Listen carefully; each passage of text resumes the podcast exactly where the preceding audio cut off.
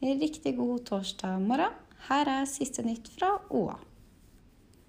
Først etter to måneders irritasjon og masse ekstraarbeid begynner selskapet Bakke Maskinservice i Øystre Slidre å få oversikt etter et hackerangrep.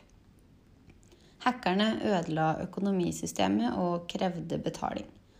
Det var veldig ubehagelig, sier Kristin Bakke og Reidar Jome.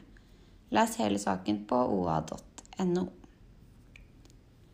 Globus kafé har vært en suksess fra dag én. Derfor er det bare trist at rådmannen nok en gang foreslår å legge den ned, sier Kristin Guldal Madsen.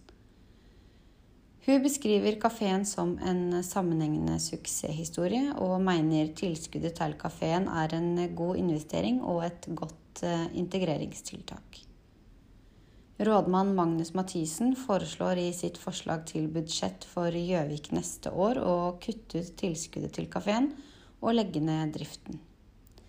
Kafeen var også truet av nedleggelse i 2017, men politikerne valgte da å bevilge penger til fortsatt drift.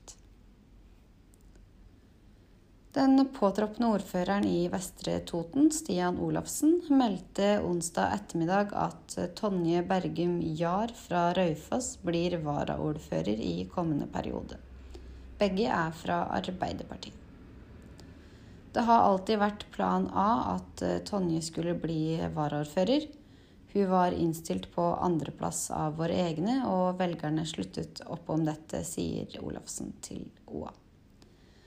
Det var noen av sakene du kan lese på våre nettsider nå. Ha en fortsatt fin torsdag.